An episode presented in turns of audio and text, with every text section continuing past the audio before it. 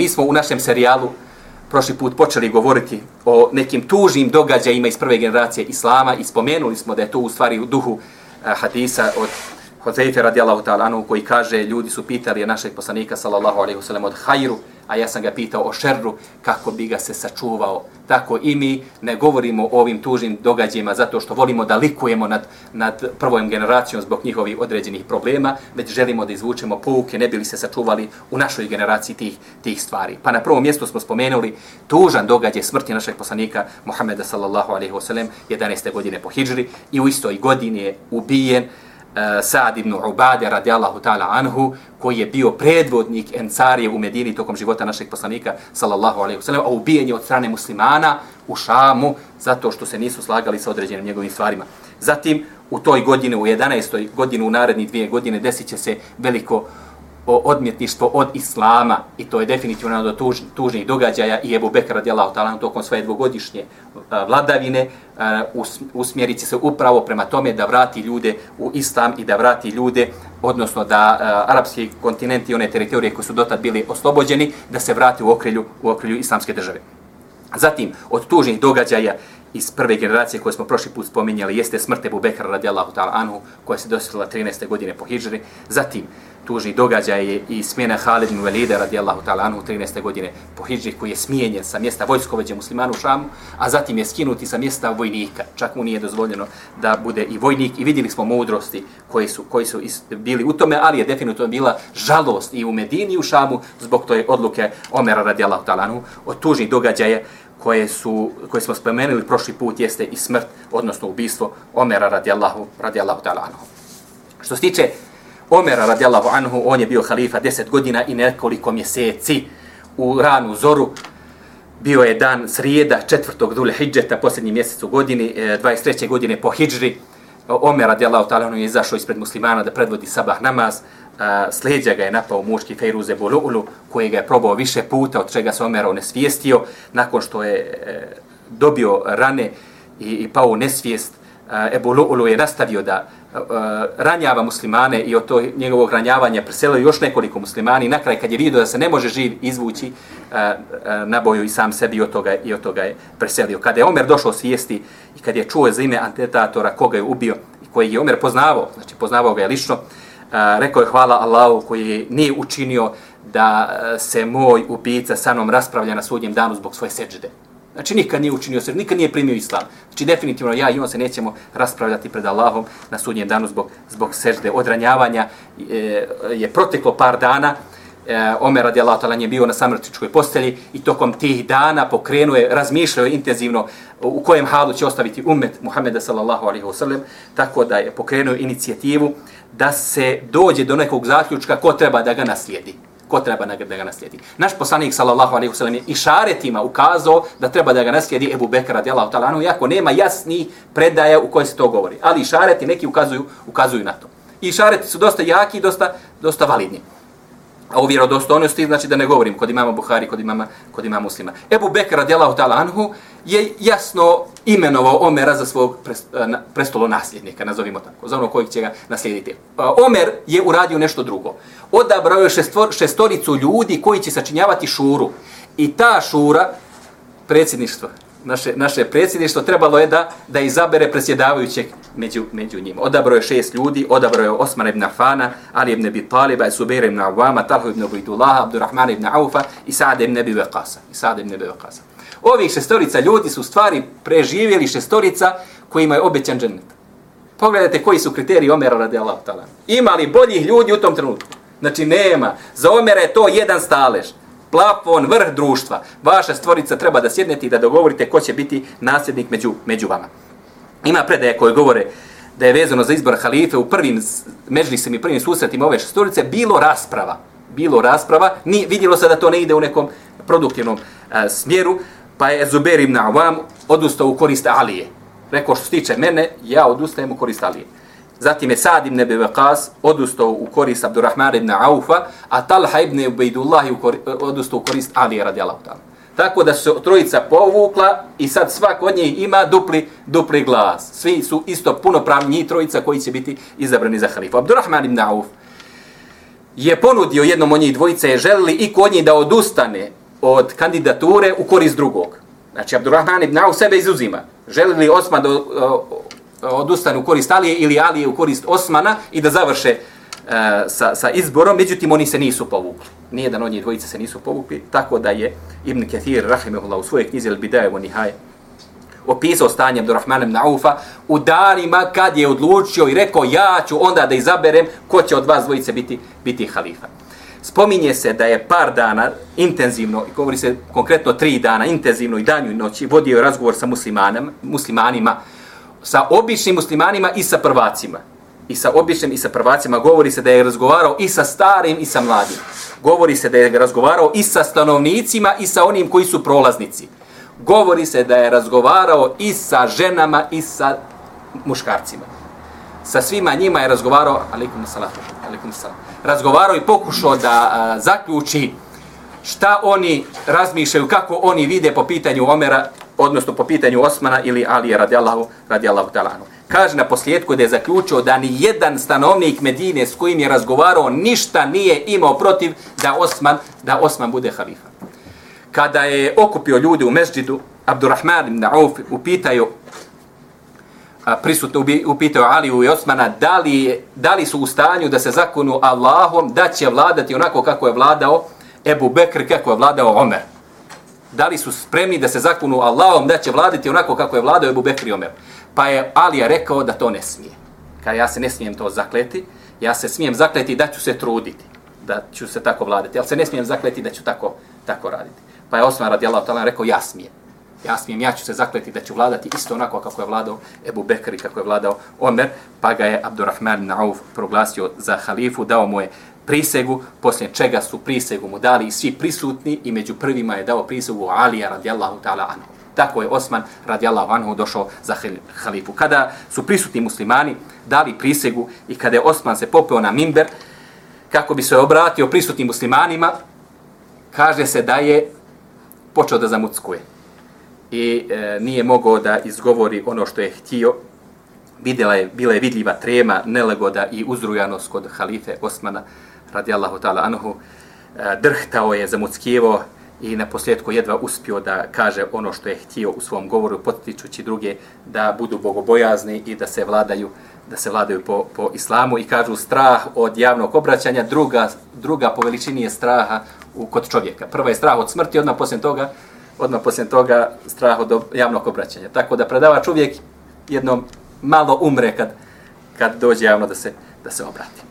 Morate uzeti u obzir, znači greške e, koje, koje se jave, samo da nisu šerijatske. Znači, te greške nemojte tolerisati, a ako ima greška u izražavanju ili nešto slično tome, ili greške u padežima, pogotovo kod nas Sanđaklija, to morate da e, uzmete u obzir. Šta je to s čim se Osman radijalahu talanu prvo susreo kad je došao za halifu. Prošli put sam spomenuo da je Omerov sin Ubejdullah ibn Omer, dok je njegov otac još bio na samrtiškoj postelji, gledajući kako mu otac pati e, u bolovima, susreo Ebu Lu'lu šćerku u Medini i koja je bila sa kršćanom e, Džife, Džif, Džefi, Džefinet, zvao se kršćanin Džefinet. I e, malo kasnije su se oni također seli sa Hurmuzanom, Hurmuzanom a dobio je informaciju u Bejdullah da je Hurmuzan držao nož prijen ubistvo, prijen tata Omera, upravo taj nož kojim je Omer, Omer ubijen. Tako on nije mogao, nije mogao da vidi da i vidi njih žive kako šćerka njegova i kršćanini za koje i ovaj musliman oko postoji spor, ali u osnovi je umro kao muslima Hurmuzan. On je primio islam na prevaru, znate, kada je Omer radijallahu ta'ala htio da ga pogubi, on je bio jedan od vojskovođa Perzijskog carstva. Pa je doveden pred Omerom, Omer je htio da ga likvidira zbog onoga što je uradio muslimanima u borbama. Pa je on rekao, e, hoćeš mi e, odložiti smrt dok ne popijem ovu čašu vode? Pa je rekao, hoću. I on je uzeo čašu vode i prosuo. Pa je rekao, kod mene ti to ne pali, svakako ću te ja ubiti. Ali drugi ashabi su rekli, nije primjerno, opet si dao obećanje, znači, žabu uhvatio na foru i i sačuvao mu je život, izgovorio on šehadet, ali znači nisu ga doživjeli kao, kao iskrenog muslima. Trebalo je još njemu vremena da se dokaže o, nje, o njegovoj iskrenosti. Ubejdullah ibn Amer nije čekao to vrijeme, nego iz ljubomore E, i patnje koje je vidio zbog smrti njegovog oca, ubio je sve, sve troje. Uhapšenje zatvorenje i ljudi su došli sa vijestima Omeru na samratničkoj posljednji da mu je sin u zatvoru, zato što je ubio jednu e, mušrikinju e, koja je bila obožavac vatre, jednog kršćanina i ubio je jednog, jednog muslimana. Pa treba da mu presudi. Omer je rekao, ja svakako napuštam ovaj svijet, neka to riješi sljedeći halifa. Znači, ne mogu oko toga da se, da se sad bakćem, tako da je Osman radijallahu talanu među prvim pitanjima koje su došli pred njim kao halife, šta da uradi sa Ubejdullahom ibn Omerom. Većina ashaba i stanovnika Medina je bila stanovništa da treba da bude ubijen. Ubio je muslimana Hurmuzana, da treba i on biti, biti ubijen. Između ostalog ovog mišljenja je bio i Alija, Alija radijallahu talanu. Amr ibn As savjetovao je Osmana drugačije svakako kaže to se nije desilo za vrijeme tvoje vladavine. Znači tebi je faktički ovaj slučaj gurnut u ruke bez, bez, bez neke veće osnove. Ako to nije riješio prijašnji halifa, a trebao je, nemoj niti rješavati to sa prolijevanjem krvi. Pa ga je Osmar radijala tona poslušao i uh, naredio da se plati krvarina. Odredio krvarinu za, za njih troje, zato što su ubijeni e, bespravno, pa se ispostavilo da niko od njih troje nema porodicu, tako da je Ubejdula ibn Omer novac od krvarine u stvari dao Bejtul Malu muslimanskoj, muslimanskoj zajedničkoj, zajedničkoj kasi. Kasnije, u sporu između Ali i Muavije, Ubejdula ibn Omer je ocelio, napustio je Medinu, živio u Šamu, sve do spora između Ali i Muavije, tada je bio na strani Muavije, susreo se u bici protiv Ali radijala otalani na Sifinu i Ali ga je ubio sobstvenom sabljom. Ubejdullah ibn Omera, sina Omerovog, ubio je Alija radijalahu ta'ala, koji je svakako bio mišljenja da treba taj čovjek da bude ubijen zato što je ubio muslimana. E, poslije toga kaže se da je e, Osmar radijalahu ta'ala uputio posebna pisma vojskovođama, namjesnicima, kadijama i stanovnicima e, muslimanske teritorije u kojem je tražio od njih da vladaju se po Kur'anu i sunnetu i vlada, da se vladaju po islamskom moralu i upozorio ih je na pogubnost novotarija. U tim pismima je javno pozvao kao javno obraćanje danas što imaju predsjednici preko televizije, Os Osman je to morao da uradi na neki, na neki drugi način. Što se tiče perioda eh, hilafeta Osmana radijallahu anhu, to je period kada su muslimani do tog perioda bili najjači. Najveći procvet islama i muslimana je bilo tokom perioda vladavine Osmana radijallahu ta'ala anhu i muslimani su živjeli u velikom blagostanju, za to vrijeme zapamćeno je da su da se islamska država proširila od eh, nubisijske oblasti u Egiptu i sjevernoj u sjevernoj Africi pa sve do granice Indije i granice Turske. Znači, granice nikad nisu bile poznate muslimanske teritorije kao što je bilo tada. Kovan je novac unutar muslimanske zemlje, tako da je muslimanska zemlja imala svoj novac, srbrnjaki, zlatnike s kojima je trgovala i taj novac je proširen po kompletnoj teritoriji muslimanskoj. Zatim, formirana je mornarica koja je izvela svoje prve pohode, prošli put smo e, e, govorili o tome, Medina je postala jedna prava politička i kulturološka prijestolnica, zatim umnožen je jedinstven Kur'an u više primjeraka i naređeno je svim e, namjesnicima da se vladaju po pitanju kirajeta i učenja Kur'ana po tim primjercima. Tako da je Osman radijala od objedinio kompletan umet na jedinstveno učenje Kur'ana onako kako se uči i dan i dan danas. I proširen je Harem Mekke i proširene su granice mesđida Medine tokom Osmana radijallahu ta'ala. Što se tiče uh, u doba, u doba Omera radijallahu anhu, namjesnik u Kufi je bio Sa'ad ibn Abi Waqas. Sa'ad ibn Abi Waqas. I Sa'ad ibn Abi Waqas posudio novce od Abdullah ibn Mas'uda radijallahu anhu vezano za potrebe blagajne. Pa kad je trebalo uh, da vrati Abdullah ibn Mas'udu, novac ispostavilo se da je blagajna prazna. Pa je Abdullah ibn Mas'ud protestovao i tražio da su udovolji njegovo pravo i došlo je do spora. Zbog tog spora Osman ibn eh, uh, Afan uh, eh, Osman ibn Afan je smijenio sada sa mjesta namjesnika. Znači, posudio si novac, nisi o, o, održao vraćanje, tako da je uh, smijenio ga sa, sa te funkcije, ali je na funkciju postavio El Velide ibn Uqbeta. A El Velid ibn Uqbe bio njegov brat po mlijeku. Njegov brat, odnosno njegov brat po majci. Njegov brat po majci. To se ljudima nije svidjelo. Smijenio je Sadim ibn Vakasa, opravdano, ali postavljalo Velidu ibn Ukbeda koji je Islam primio na dan oslobađanja Mekke. Znači, jako do, kasno primio Islam i još ti brat po majci, znači nije mi se, nije mi se to svidjelo. Posljedno oslobađanje Armenije i Azerbeđana, Osmar radijalo Anhu je smijenio namjesnika Basre Ebu Musa el Ešarija, znači smijenio je Ebu Musa el Ešarija, jednog velikog ashaba našeg poslanika, sallallahu alaihi wa sallam, na njegovom mjestu je postavio svog dajđića, Abdullaha ibn Amir ibn Kureizu. Abdullah ibn Amira ibn Kureizu, postavio ga za zapovjednika da bude zapovjednik nad vojskom, a u vojsci su bili Ebu Musa, Elešari i Osman ibn Al-As, znači velikani. A, a tada je u tom trenutku je Abdullah ibn Amir ibn Korez imao svega 25 godina. Svega 25 godina. Prijem predaje Taberistana i Gruzije, smijenio je svog novopostavljenog namjesnika Kufe, El Velide ibn Ukbeta, kojeg smo spomenuli, smijenio ga je. A smijenio ga iz razloga što je klanjao sabah nama četiri rekata. Zato što je bio u alkoholisanom stanju. Bio je pijan. Spominje se da je bio pijan. Pa kada je došao, kaže se, okrenuo se i vidio je negodovanje ljudi. Pa je u, upitao, hoćete li još da vam dodam? Kad je vidio da je, da je pogriješio, uzoholio se, pa je još, još više išao, išao u inat. Kada je to došlo do Osmana, pozvao ga u Medinu i pozvao Aliju radi Allah talan i rekao, Alija, presudi mu ti. Smijenio ga je odmah, znači odmah ga je smijenio sa mjesta, sa mjesta namjesnika, pa je Ali radijalahu ta'ala pozvao sina Hasana i pozvao Abdullah ibn Džafera. I rekao sinu Hasanu, udari mu 20 bičeva, pa mu je Hasan udario, zatim je rekao Abdullah ibn Džaferu, udari mu sad ti 20 bičeva, pa mu je udario.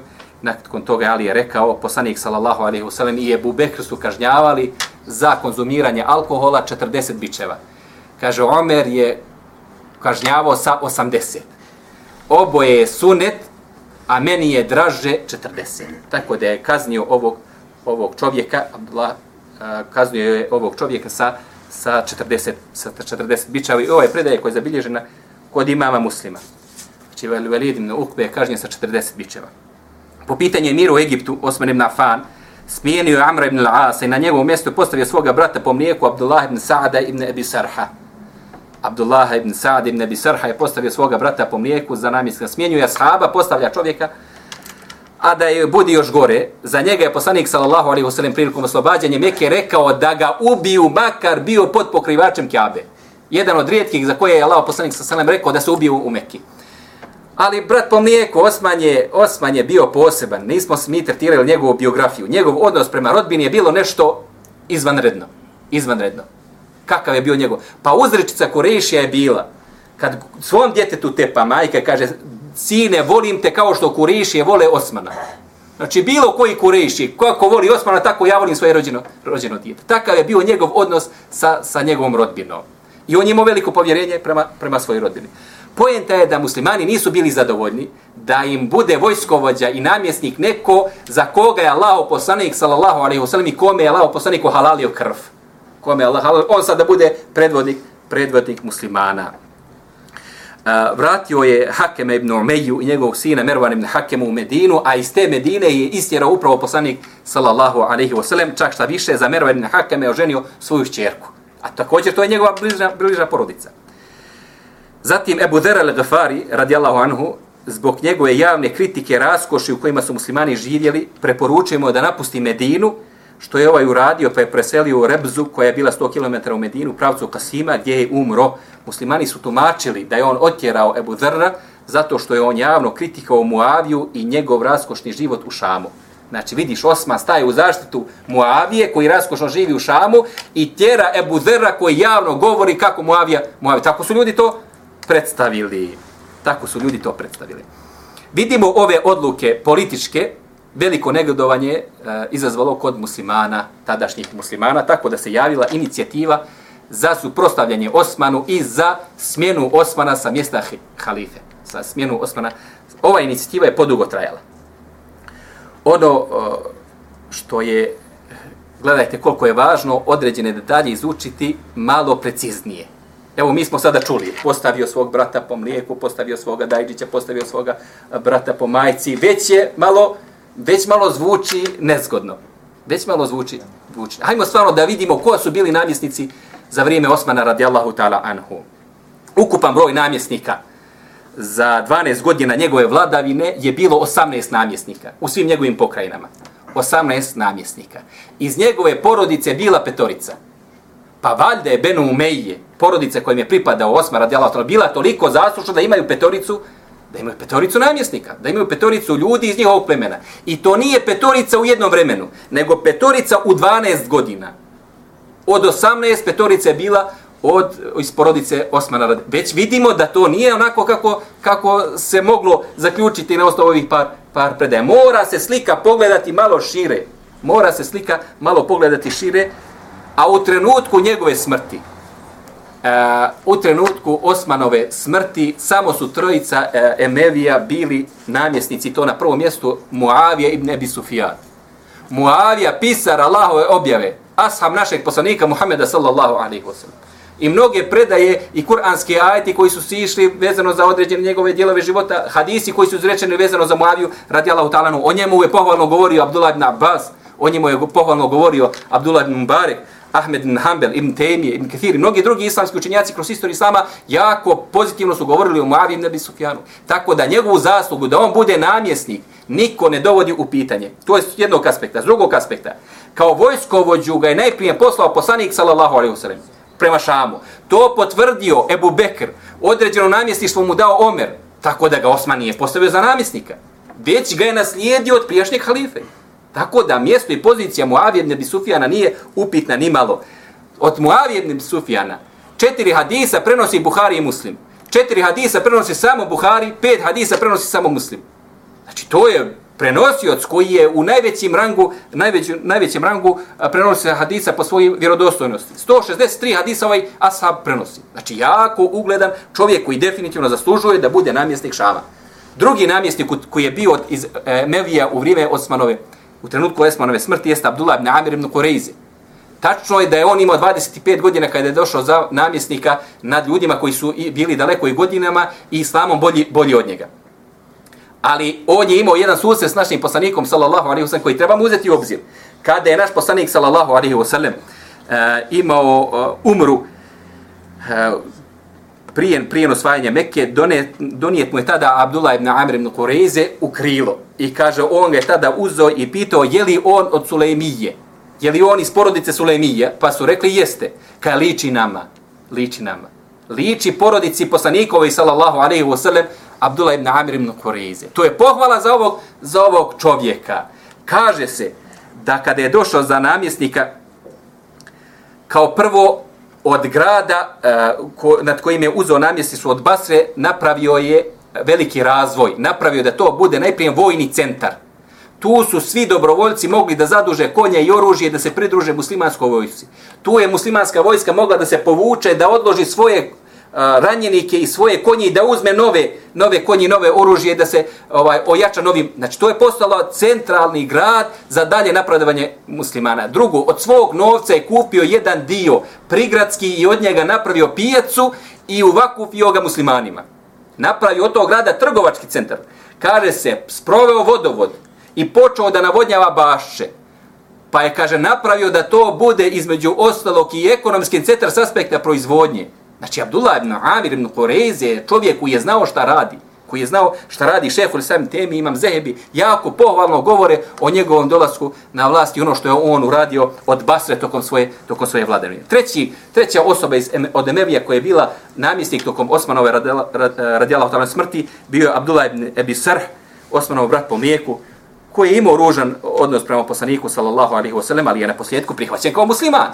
Na posljedku je prihvaćen kao musliman, kasnije sam a, a, kaže sa Amrom učestvo u osvajanju Egipta.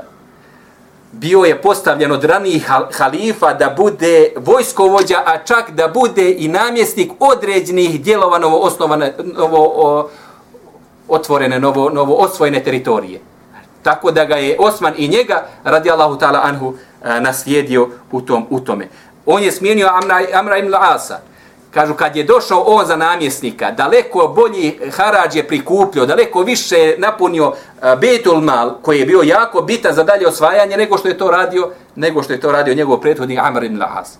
Tako da je taj čovjek dao svoje rezultate po, po tom pitanju. Pod njegovom komandom, prije nego što je postao namjesnik, dok je bio vojskovođa, pod njegovom komandom ratovali su Abdullah ibn Zubair, Abdullah ibn Omer, Abdullah ibn Amr ibn As i mnogi drugi ashabi našeg poslanika. Sasvim. Ako su ga oni prihvatili da im bude vojskovođa, zašto mi danas ne bi prihvatili da je to bio legitimni i validni e, namjesnik muslimanske teritorije? Što se tiče ostalih ashaba, nalazimo da su ashabi nudili pomoć Osmanu radijallahu ta'ala kada se počela sve više i više širiti fitna i glasine protiv njega, tražili su odobrenje od njega da, da ga brane svojim životima, da brane njegovu čas i da brane njegovu vlast. Pa je e, između ostalog to tražio Ali ibn Abi Talib, e, Zubair ibn Awam, Abdullah ibn Zubair, Al-Mughir ibn Šobe, Kab ibn Malik, Zaid ibn Thabit, Abdullah ibn Umar radijallahu ta'ala i mnogi drugi veliki ashabi tada živeći. Tražili su od Osmana daj nam izuna da svojim životima branimo tvoju čast i da branimo tvoju, tvoju vlast. E, Osman je to odbio. Osman je pribjegao nekim drugim mjerama. Kaže se da je pisao pismo namjesnicima u kojima je tražio da budu pravedni i da budu jako saosjećajni po pitanju stanovnika. Zatim kaže se da je pisao podanicima, muslimanima i tražio sve što imate od zamjerki, dostavite halifi, halifa će uzeti na razmatranje. Zatim se kaže da je slao ashabe poput Ebu Musa i Lešarije i Ali ibn Abi Taliba da razgovara sa masama koji nisu zadovoljni sa njegovom vlašću. Šalje im ne među najuglednije ljude u tom trenutku. Idite, razgovarate s njim, razuvjerite i vidite šta hoće, ubijedite u, u ono što je hak. Zatim se kaže da je držao hutbe u kojima je davo šerijatske smjernice koja je opasnost Eh, kada nastane fitna, kada nastanu grijesi, kada se ustane na vođu i kada se kalja čas muslimana objašnjavao je propise i spominje se eh, na kraju da je jedna od, eh, od tačaka i načina na, na koji je on vodio politiku protiv neistomišljenika i oni koji su digli bunu protiv njih, jeste da je insistirao da se ničija krv ne smije proliti. Njegova pravilo je bilo radi mene, niko ne smije proliti krv. Radi mene niko ne smije proliti krv i to se spominje od Hasana radijallahu ta'ala kada se jedne otišao kod njega i tražio da, da sabno svojem brani njega, kaže, sine, neću ja žrtvovati tuđe glave da bi sačuvao svoju glavu, nego ću žrtvovati svoju glavu da bi sačuvao tuđe, tuđe glave. Znači, neću ja da izlažem muslimane e, bitkama i borbama da bi ja ostao na vlast. Ja ću biti spreman da svoju glavu, da svoju glavu dam da bi ostali muslimani ostali, ostali živi. I pored svega navedenog, ipak, E, se nastavilo je nezadovoljstvo veliko i negodovanje kod muslimana, stvari se sve više više komplicirala i, i sve više više su se širile glasine. E, ali prije nego što uđemo u samu analizu svega toga, samo par, par hadisa, da vidimo da li o tome išta rekao naš poslanik sallallahu alaihi wa sallam. Bilježi tirmizi od Ibn Umera radijallahu ta'ala anhu, da je naš poslanik sallallahu alaihi wa sallam rekao, Allah, e, da je naš poslanik rekao, spominjući određene fitne, znači spominjao je fitne koji će doći poslije njega, pa je pokazao na Osmana i rekao tom prilikom će on biti nepravedno ubijen. Tom prilikom on će biti nepravedno ubijen. Kod Tirmidhi od Ibn Omera hadis. Zatim Tirmidhi ibn Mađi Hakim od Murre ibn Kaba bilježe da su čuli vjerovjesnika sallallahu alaihi wa sallam da spominje neke predaje koje će se uskoro desiti u umetu i spomen, spomenuo, kaže, u tom trenutku je prošao pored tog međlisa, pored njegovog sjela, poslanikovog međlisa, poslanikove halke, prošao je čovjek koji je bio u potpunosti umutan, nismo mu vidjeli lice, kaže. Pa kaže, tada je rekao, ovaj čovjek će tada biti na pravoj strani. Kad se desi te fitne, ovaj čovjek će biti na pravoj strani. Pa je, kaže, tada uh, Murre ibn Kab ustao, otišao do njega, otkrio lice mu, vidio koji pitao, je on? Pa je Allah poslanik rekao, on. Znači, on će tada biti na pravoj, na pravoj strani. Tirmidhi Hakim bilježu Daiša radijallahu anha, da je vjerovjesnik sallallahu alaihi wasallam jednom prilikom rekao, Osmane, moguće je da ćete Allah obući jednom košuljom, pa kad budu o tebe tražili licimjeri da skineš tu košulju, nemoj to uraditi sve dok se ne sretneš sa mnom. Sve dok se ne sretneš sa mnom. I spominje Tirmidhi, uh, bilježi od Osmana, kada su već ga opkolili u njegovoj kući, kad više nije imao mogućnost da izlazi van svoje kuće, govorio je, meni je vjerovjesnik, sallallahu alaihi wasallam, nešto povjerio i ja ću do kraja ostati pri tom. On je tu košulju tumačio da je to vlast. Allah mu je dao vlast, tu košulju, tu vlast, ne smije se odreći sve dok nesretne našeg poslanika Muhammeda sallallahu alaihi wasallam. Ibn Asakir, Ibn Asakir bilježu od Zedni Thabita, da je vjerovjesnik sallallahu alaihi wasallam rekao, svratio mi je osmen baš u trenutku kada su se kod mene nalazio jedan melek i melek je tada rekao šehid. Znači ovaj čovjek je šehid. Mi meleci se njega stidimo. Mi meleci se njega stidimo. Znači to su predaje koje govore o Osmanu. Samo da bi nam bilo jasnije na čijoj strani je bio hak da ovo oko političkih tih stvari i nepotizma zašto je optuživan Osman da vidimo da nije bilo da nije imalo nikakve nikakve osnove. S druge strane moramo znati da ove predaje iz perioda fitne prenose nam trojica ljudi. Predaje iz perioda fitne prenose nam trojica ljudi. Na prvom mjestu prolaz, pre, prenosi nam Ibn Mihnef Lut ibn Jahja. Ibn Mihnef Lut ibn Jahja, a on je proselio 257. godine. I spominje se za njega da je bio šija i nije se ustručavao od ružnog govora protiv ashaba našeg poslanika sallallahu alaihi wa sallam. Drugu, pred, druge predaje prenosi Muhammed ibn Umar ibn Waqidi, a Muhammed ibn Omer al-Waqidi koji je 207. Znači on je malo bliže ashabima. 207. preselio. Tak, također je bio prenošenju ružnih predaje o Osmanu radijallahu anhu, tako je da Taberi izostavio veliki broj njegovih predaja. Nije htio uopšte da ju uvaži.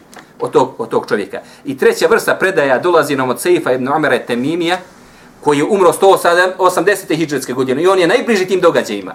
On je bio ehli sunnetski opredjeljen 100%, tako da se držao jednog zlatnog pravila o ashabima ne smiješ govoriti ružno. O ashabima ne smiješ govoriti ružno. Da Bog da se mi danas ovog držimo. Da Bog da se naši profesori u medresama i na fakultetima islamske nauka drže ovog pravila. Ashabima se ne smije ružno govoriti. Zabranom našeg poslanika, sallallahu alaihi Nije zato što meni to ne odgovara iz mojih nekih protjeva, meni ili tebi, nego zato što je naš poslanik, sallallahu alaihi wasallam, to zabranio. Sejf ibn Omer Temimi držao se ovog pravila tako, a najbliži ovim događajima tako da su njegove predaje najvjerodostojnije. Zbog ovih pobuna, Kufa je jedno vrijeme bila bez namjesnika. Kufa nije imala namjesnika. E, tim pobunama su se pridružili i stanovnici Basre, znači Irak, odmah Kufa i Basra, oni su predvodnici, vidite, u tim nekim stvarima.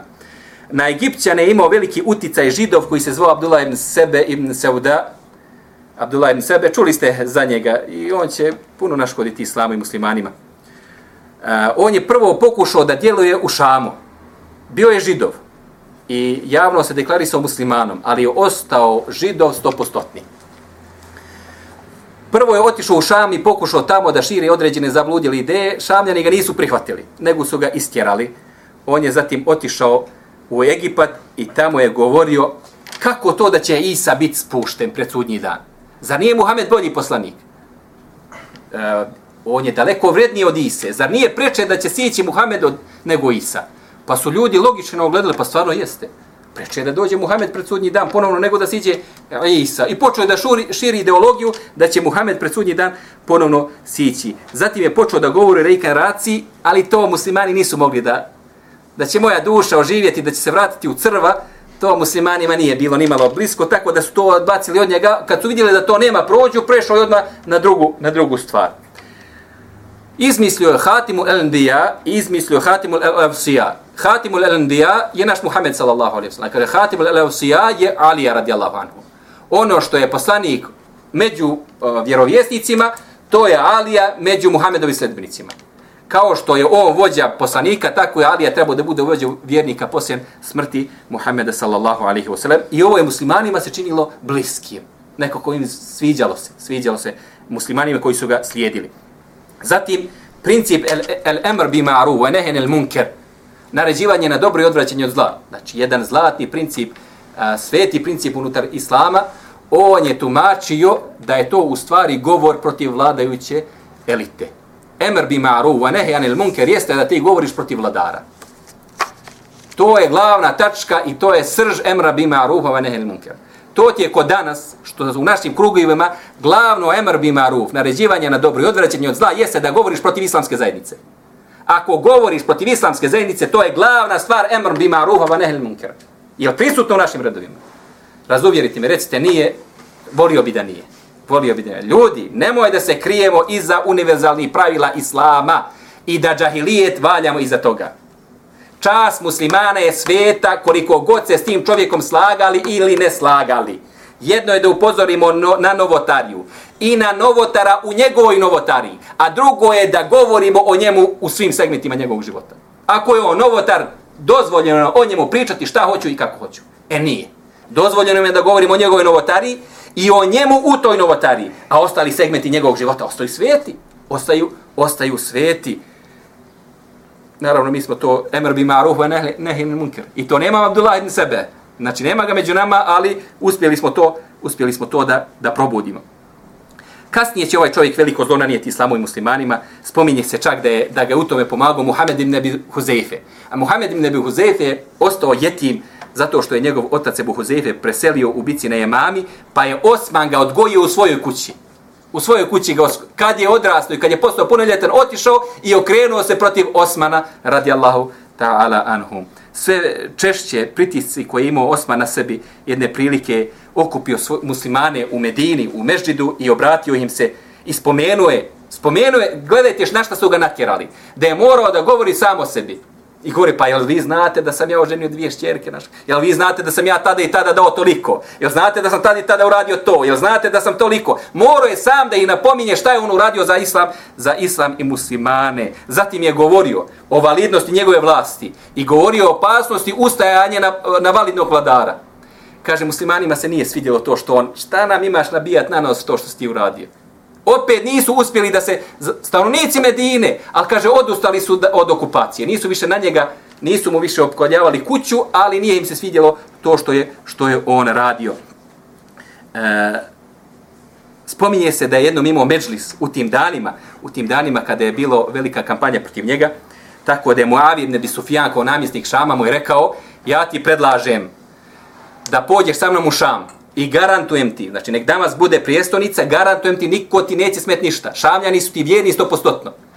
Pa je rekao, ne mogu da ostavim društvo svoga komšije.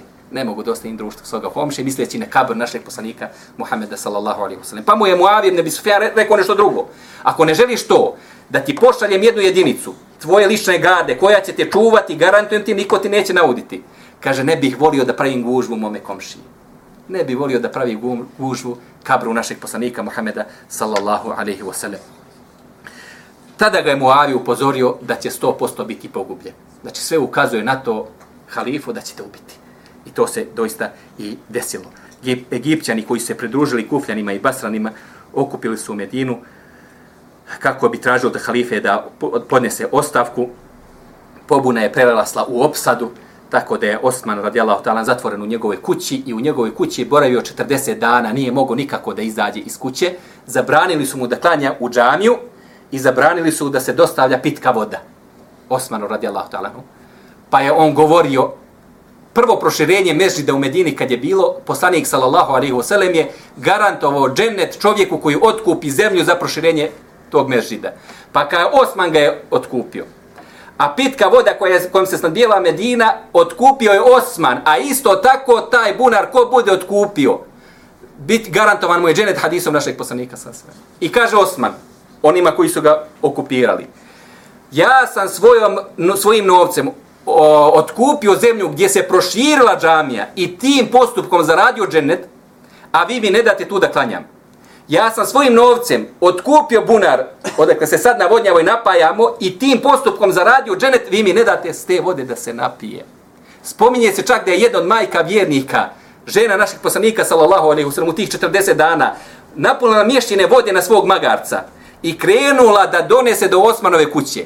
Oni koji su obsjedali njegovu kuću, toliko su udarali tog magarca da se počeo pedati i, i e, kako se to kaže, kak, više sam zaboravio te glagole, davno sam sa sela došao, e, zamalo je majka vjernika pala, pala sa magarca da izgubi svoju glavu.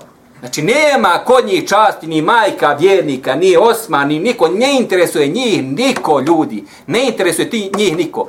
To je danas ko kad mi nemamo hurmeta u džamijama i kažemo pobila se dva muslimana u džamiji. Može li to da se desi ljudi? A čudimo se po Iraku što se dižu u vazduhu i po drugim Znači kad mi dozvolimo da smo spremni da dignemo ruku na brata muslimana, poslije toga ko će da ti stavi granicu? I ko će sam sebi da stavi granicu? Ko, ko će sebi utuči da stavi stranu granicu i kaže dosta je, moram se povući.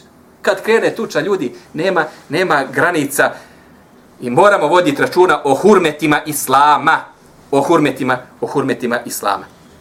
Onda se čudimo, kaže Galama na koncertu Dina Merlina prekinula ezan čuje se ezan i onda oni počeše divlja tamo i ne čuje se više više ezan. Džahili, ili šta, koja li se sve tu e, raja i, i, i slušala što pokupilo. Haj mi da analiziramo klanjače, haj mi sami sebe da analiziramo koliko mi držimo do hurmeta, do hurmeta ezana i do hurmeta džamije i do sličnih, sličnih hurmeta, da nam se ne bi ponovilo ono što se desilo u prvoj generaciji, na kraj krajeva radi toga i govorimo o svim tim, svim tim događajima. Uh, okupirali su ga 40 dana u tim pregovorima, pokušavaju da je razuvjeri, međutim nije mu pošlo za rukom, čak se spominje da su jednom poslali kao svoga glasnogovornika golobradog mladića. Golobradi mladić znači da je bio još uvijek maloljetna osoba. Maloljetna osoba da razgovara sa Osmanom, radijallahu ta'ala anhu, gdje je Osman pogriješio i šta on treba da, da uradi. I ovaj prosi po svoju nebuloze, Kao Osman je čuto i sve mu potvrđivo dobro, i to ću uraditi, to ću vam dozvoliti. Znači, to je poniženje. Osman u tom trenutku ima 82 godine. On mora da razgovara s nekim koji ima 13-14 godina, 18 nek ima, a nije imao ni 18 godina s njim da razgovara o, o, o svojim postupcima. I kao ovaj imao na jednu stranu okačen mushaf, mushaf nisu bili mali ko, kao danas, već su bile ogromni listovi, pa moralo je stvarno da bude glomazno. A s druge strane je imao okačenu sablju i govori Osmanu, nama naređuje ovo, da udarimo sa ovim ko se bude suprostavio ovom. Naređuje nam Kur'an da udarimo sa sabljom ko se bude suprostavio Kur'anu. Stvarno, Osman, 82 godine da ti neko dođe, gla, takvu glavu bi mu okrenuo. Znači, glavu bi mu okrenuo na, na, na drugu stranu. Ajeti u toj knjizi koje su on kune, imaju koji su objavljeni radi Osmana. I samo radi Osmana. I on došao Osmanu da govori šta naređuje, šta naređuje ta knjiga. Najboljem čovjeku u tom, u tom trenutku. Osman je stvarno pokušavao da im udovolji onoliko, onoliko koliko je mogao. I na posljedku je pristao da smijeni Abdullah ibn Sa'id ibn Sarha kao namjesnika Egipta i da na njegovo mjesto imenuje Muhammeda, sina Ebu Bekrovog. Znači Ebu Bekr radijala tome, sina Muhammeda imenovao njega za, za namjesnika i kada su oni krenuli sa tom imenovanjem prema Egiptu, pratio je jedan crni rob u taj vakat kad se opiše, znači da je sluga, bio je, bio je sluga, kad pratio, pa kad bi primijetio da su ga primijetili, kao onda bi se krio. Ali kad jako se subljivo ponašao inače, kao da je izazivo da bude viđen, pa posle kad ga vide, onda se, onda se krije. Njima je to bilo sumnjivo, pa su ga uhvatili, pretresli ga i našli su pismo sa Osmanovim pečatom u kojem se kaže namjesniku Abdullah ibn Sa'id ibn Serhu, kad dođe Muhammed ibn Abu Bekr sa svojom delegacijom, da ih sve zatvori i da ih likvidira. Napisano pismo sa pečatom Osmana radijalahu talana. I oni su se zapanjili tada prisutni koji nisu htjeli da se vrate do Medine, svi su svoje lične pečate izvadili i udarili na to pismo da posvjedoče da je to pismo pročitano pred njima. Pa kaže, vratio se Muhammed ibn Abi Bekr do Osmana sa eh, dijelom ljudi i pitao halifu šta je ovo. Halifa je priznao da je pečat njegov iz njegove administracije, ali kaže, vallaj, nit sam to pisao, nit sam to diktirao. Znači, ja veze nemam šta je to, ko je to napisao. Oni su sumljali na Mervana na Mervana ibn Hakema koji je bio dio administracije Osmanove i tražili od halife da isporuči Mervana. Halifa je smatrao da to ne bi bila uh, adekvatna zakonska procedura, da će se sprovesti nad njim stvarno istraga i da se ustanove istina, nego da će to biti jedno linčovanje, tipično. Bez ikakvog dokazivanja, on je optužen, čim si optužen, kriv si i mi ćemo tebe da, da pogubimo. Osman je to ne, odbio. Iako su i neki ashabi mu savjetovali. Znači, da ih sad Mervana vidiš da sve ukazuje na njega, bez istrake da on nije htio da uradi, ja neću čovjeka da likvidiram bez, bez jakih, jakih dokaza.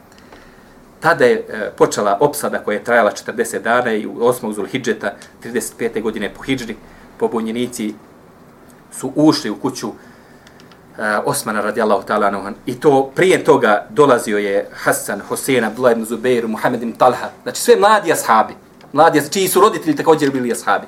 Oni su stražarili s puta od strane vrata kod Osmanove kuće.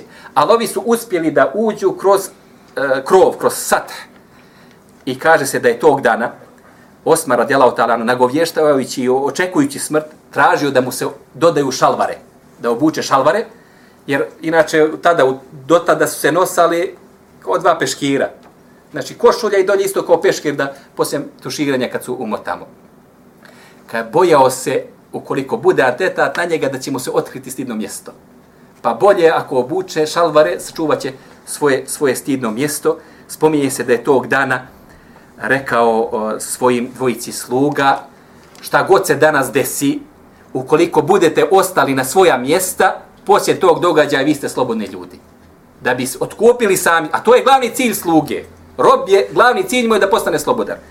Način da postanete slobodni jeste da ostanete na svojim mjestima. Pa su u kuću upali Muhammed ibn Abi Bekr, Kanan ibn Bishr ibn Itab, Sevdan ibn Hamran, Amr ibn Hamq.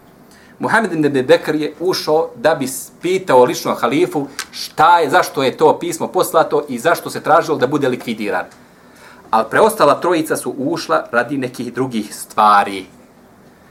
Ali krivica e, Muhameda ibn Abi Bekra ne, ne možemo da je zanegiramo kad uđeš u kolo sa malo umnicima, Ti više ne možeš kontrolisati šta će ti maloumnici uraditi.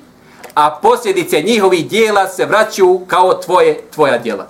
Dobro pazite u šta ulazite i s kim ulazite. Kad maloomnici preuzmu inicijativu, ne možete se poslije pravdati i govoriti ja nisam bio za to. Čim si ti ušao sa đavolom u pakt, ne možeš više se braniti, braniti od toga. Osmana radijalovanu su zatekli kako čita Kur'an, dok je njegova supruga Naila Bindel Ferasifa bila, bila pored njega, Kenane je željeznom šipkom udario halifu po uhu i raskrvario ga i oborio ga na stranu Sevdanim Hamran Muradi, dohvatio je sablju i zamahnuo, tada je Naila postavila svoju ruku i odbranila a, svoga supruga Osmana, ali je tada odsječeni prsti, zatim je udaren halifa Osman, na njegova prsa se popeo Amr ibn Hamq, uzvo svoju, svoj nož i uboga devet puta u prsa, govoreći tri puta te ubadam radi Allaha, a šest puta te ubadam zato što si uradio meni. Zato što si uradio meni. Halifa je umro sa riječima u ime Allaha, na Allaha se oslanjam, neka je slavljen uzvišeni Allah. Tako je ubijen 82-godišnji halifa Osman radijallahu ta'ala an, najbolje stvorenje koje u tom trenutku bilo među muslimanima. U tom trenutku atentatori su skinuli sav nakit koji Naila imala na sebi, otišli do državne blagajne i pokupili sav novac koji je imao u državnoj blagajni i na taj način se završila etapa i ovaj tužni događaj smrti Osmana radijallahu ta'ala anhu, a Muhammed bin Sirin bilježi i kaže, kaže, ne u jednom vojnom pohodu, niti uopšteno kod vojske, nije se izgubio ni jedan konj, sve dok nije ubijen Osman radijallahu anhu. Znači, muslimanska vojska nikad nije imala gubitke po pitanju uh, konje, konja dok nije ubijen Osman radijallahu ta'ala anhu. Također, sve dok nije Osman ubijen, nije bilo neslaganje u pogledu viđanja mlađaka. Prvi put se oko viđenja mlađaka počelo razilaženje po, u godini poslije smrti Osmana radijallahu ta'ala anhu, a kaže ovaj tabein da nebo nije imalo toliko crvenilo sve dok nije ubijen Hosein radijallahu ta'ala anhu. Ono što je Osman bio prvi tokom svog hilafeta, kaže prvi je koji uveo plate muezinima. Prvi koji je uveo plate muezinima. Ja mislim da ga muezini dan danas posebno vole. Uveo policiju, prvi koji je uveo policiju koja je radila na zaštiti muslimana. Prvi je e, isporu, isparčao zemlju i dodijelio je na korištenje. Državnu zemlju isparčao, dodijelio na korištenje, tako da su njeni korisnici postali bogati. Znači da ne žive ljudi od socijale. Evo ti zemlju koristi je, plodove daj dio državnoj blagajni, dio za sebe, kad ljudi su od toga obogatili. Prvi je uveo prvi eza na džuma namazu, prvi je koji ima izraženu tremu prilikom držanja hutbi, prvi je na Bajram namazu pomjerio hutbu poslije namaza. Obišao ljudi, čim se klanja Bajram, odu, ne slušaju hutbu. Pa je Osman prvo bi e, održao, održao hutbu, a zatim klanjao. Prvi je ljudima e, prepustio da oni sami izdvaju svoj, svoj zekat, prvi je halifa koji je postao uh, vođa tokom života svoje majke, prvi koji je u džamiju postavio posebnu ložu radi bezbjednosti od atentata. Osman radi Allah Imao je posebnu ložu u džami da mu se ne bi desilo ono što se desilo Omeru radi Allah Kaže prvi koji je iz poslanikove porodice, odnosno iz umeta učinio hijđru s porodicom, je Osman, i to je sa poslanikom štjerkom. Prvi koji je objedinio muslimane oko jednog učenja Kur'ana, prvi je halifa za čije vrijeme nastao razdor među muslimanima, za njegovog hilafeta prvi put se pojavila gojaznost u umetu, gojaznost u umetu se prvi put pojavila za vrijeme Osmana. A to je pokazatelj rahatluka, da ima više hrane nego što ima aktiviteta. Zatim, tokom njegovog hilafeta prvi put se pojavilo golubarstvo i kuglanje u umetu. Znači, u Medini su bili, se pojavili golubarstvo i kuglanje. Prvi koji je izglačao poslanikovu džamiju, odnosno prvi koji je mermer i kamen ubacio u poslanikovi poslanikoj džami i bez obzira i pored toga što je bio prvenac u svemu ovome, što je bio hajr za islam i muslimane, u većini, u većini slučajeva ipak je na kraj ubijen od, od strane muslimana, a mi ćemo išala tala sljedeći put nastaviti sa drugim tužnim događajima iz prve generacije e, muslimana, nadajući se da ćemo se opametiti, nadajući se da ćemo izvući pouke kako bi se sačuvali takvi takvi događaja, da vas Allah nagradi zbog vašeg prisustva i Allah da nagradi organizatora zbog povjerenja i zbog toga što su me pozvali. Subhanika Allahumma wa bihamdika, shda la ilaha ila ente stakvaruke wa etubu ilaika. Mm-hmm.